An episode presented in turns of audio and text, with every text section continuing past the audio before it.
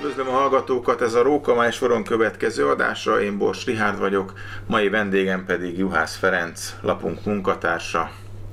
Szia, örülök, hogy itt vagy. Szia, köszönöm a meghívást, én is üdvözlök mindenkit. Az apropó, közeledik a Fehova, és van a kezemben egy könyv, aminek az a címe, hogy Bőgés, tíz év száz bikája, szerző pedig Juhász Ferenc. Azt ugye tudjuk, hogy írsz, mert az újságot is koptatod rendesen. Ez hányadik könyv? Ő az ötödik, kérlek szépen. Ötödik. Bőgés, tíz év száz bikája.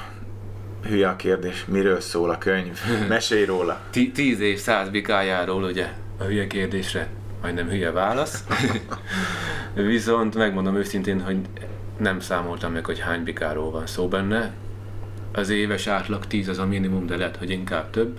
Ugye arról szól az egész, hogy mióta vadászmester lettem a területünkön, 20-as éveim elején, onnantól kezdve mindig is írtam bőgési naplót, önmagamnak, meg éppen vadászújságnak is, ugye még veled is dolgoztunk rajta, meg minden évben dolgozunk az előző év, vagy akár két évvel korábbi év bőgésének az anyagából, és ezt akartam úgy könyvbe összerakni. Első tervek azok voltak, hogy csak a bőgési naplókat összerakni egy így saját magamnak is, baráti körnek, akárminek, aztán ugye miután az előző könyvek megszülettek, meg a onnantól jövő majdnem azt mondom, hogy idézőjelben rajongói kérdések, kérdések, hogy mi lesz a következő, mondtam, hogy akkor őt is kihozhatjuk könyvbe.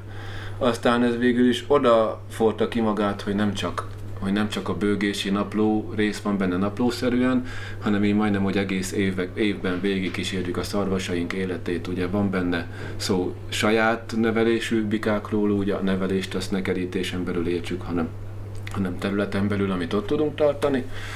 Visszatérő vendégbikákról, akiket ismerünk és várunk vissza a bőgésre, sokszor fogalmunk sincs, hogy honnan jönnek, mondjuk már egy párat sikerül kipuhatolózni, de ez majd a könyvből kiderülhet és akkor amellett, hogy mondom a tíz évnek a bőgését végignézzük, mellette minden tavasszal is van pár oldal belőle, hogy a saját bikáink milyen agancsokat dobtak, majdnem, hogy már átfordulott egy kicsit ilyen agancsozó, szenvedélyes részé is egy-egy fejezetnek az eleje, illetve utána pedig, hogy ezeket a bikákat is évközben hogy látjuk, hogy nőnek, milyenre nőnek, és bőgéskor esetleg, hogy akkor is találkozunk velük, hogy, és van benne olyan bika is, ami tényleg 4-5 éves korától már számon tartjuk, saját neve van, és meg is van lőve a, a, a könyvben úgy, hogy, hogy ott már kapitális, főleg nálunk számítva, ugye az északi középhegységben a 10 kilót átlépő bika, úgy gondolom, hogy az bárhol az országban, de nálunk főleg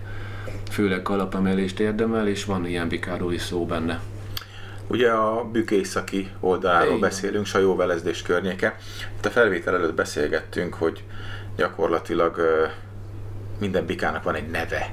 Tehát van olyan bika, amit nem ismersz ott a területen és a környéken? Persze, hogy van. A nagy számok törvény alapján mindenképpen van, de, de főleg a telelő helyen a főbika telelő helyünkön, ott, ott bőségesen etetjük őket, vigyázzuk őket minden, mindenféle módszerrel, sorompóval, több kamerával, a, a, a idegenek elől, illetve saját vadászok elől is védve van a terület, az december 1-től mindenféle vadászati nyomás alól pihen, egészen nyárig, és ott az ott levő bikákat mondom, éjszakánként akár 5-6 kamera is figyeli, és az szinte minden nap kint vagyunk megnézni a kamera képeket, ott több ezer képet kell megnézni minden nap, már ez magába nem kis munkát áttölelő produkció, és ott viszont azoknak a bikáknak neve van, főleg aki már vannak itt két-három éves korától, mert olyan kiemelkedő, vagy akár olyan gyenge, hogy, hogy már nevet kap,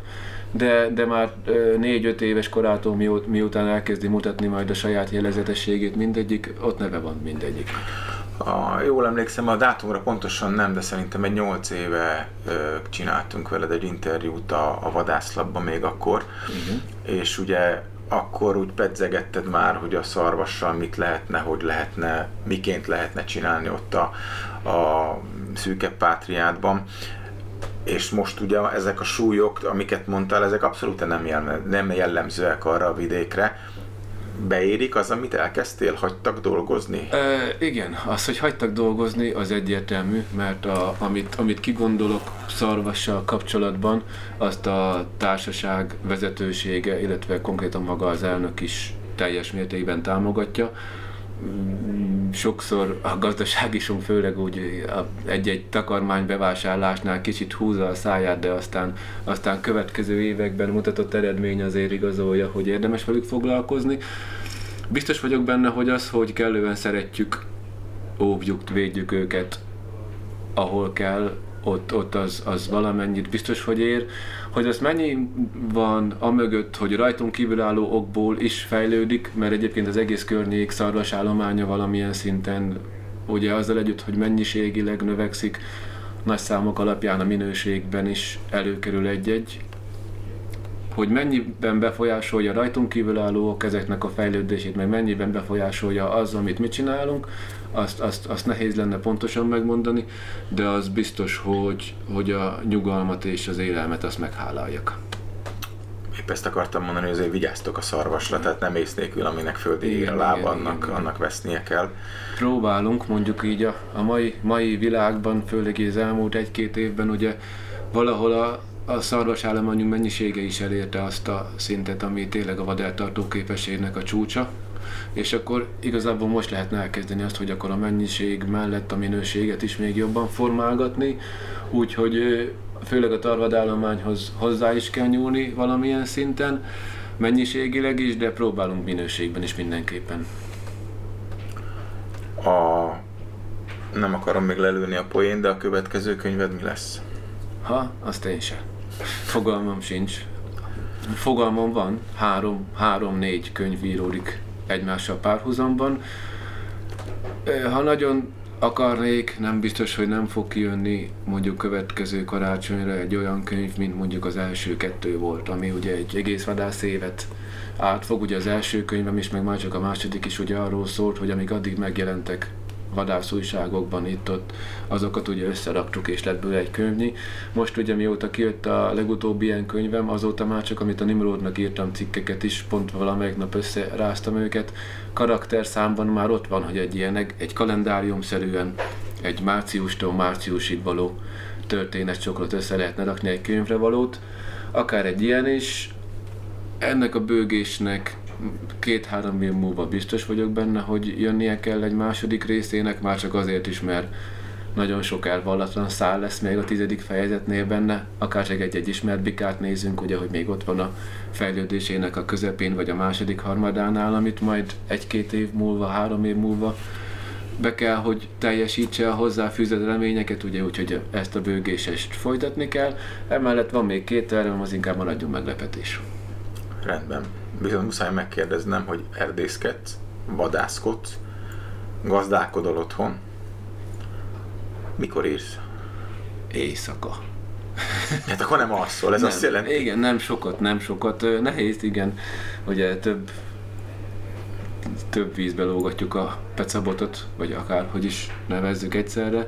Igen, ugye a fő csapás irány az mindenképp az erdészet meg a vadászat, ugye ebben is dolgozok, tevékenykedek, emellett otthon egy kis gazdaság, állatállományjal, gyümölcstermesztéssel, ugye újságírás, meg könyvírás, ki tudja micsoda. Igen, ugye főleg ezt itt tudnátok megmondani, te meg Marci, hogy a lapzárta, az lapzárta után két nappal hívlak, mind, vagy Marcit hívom mindig, hogy akkor mikorra is küldjem a cikket, mert az, az, az úgy szokott lenni, hogy, hogy tényleg éjszakánként van időm mellé ülni, csak sokszor erőm nincs. Hát én kívánok el sok erőt, mert, mert ne hagyd abba az írást. Nem sokára Fehova jössz hozzánk dedikálni. Mikor is pontosan, azt azért mondjuk el a hallgatóknak. A szombati napon ott leszek reggeltől, szerintem zárásig. Úgyhogy... Akkor várunk mindenkit. Nem csak szombaton, de Juhász Ferenccel Bőgés 10 év 100 békája című könyvével szombaton mindenféleképpen találkozhatnak. Köszönöm szépen. Én is köszönöm.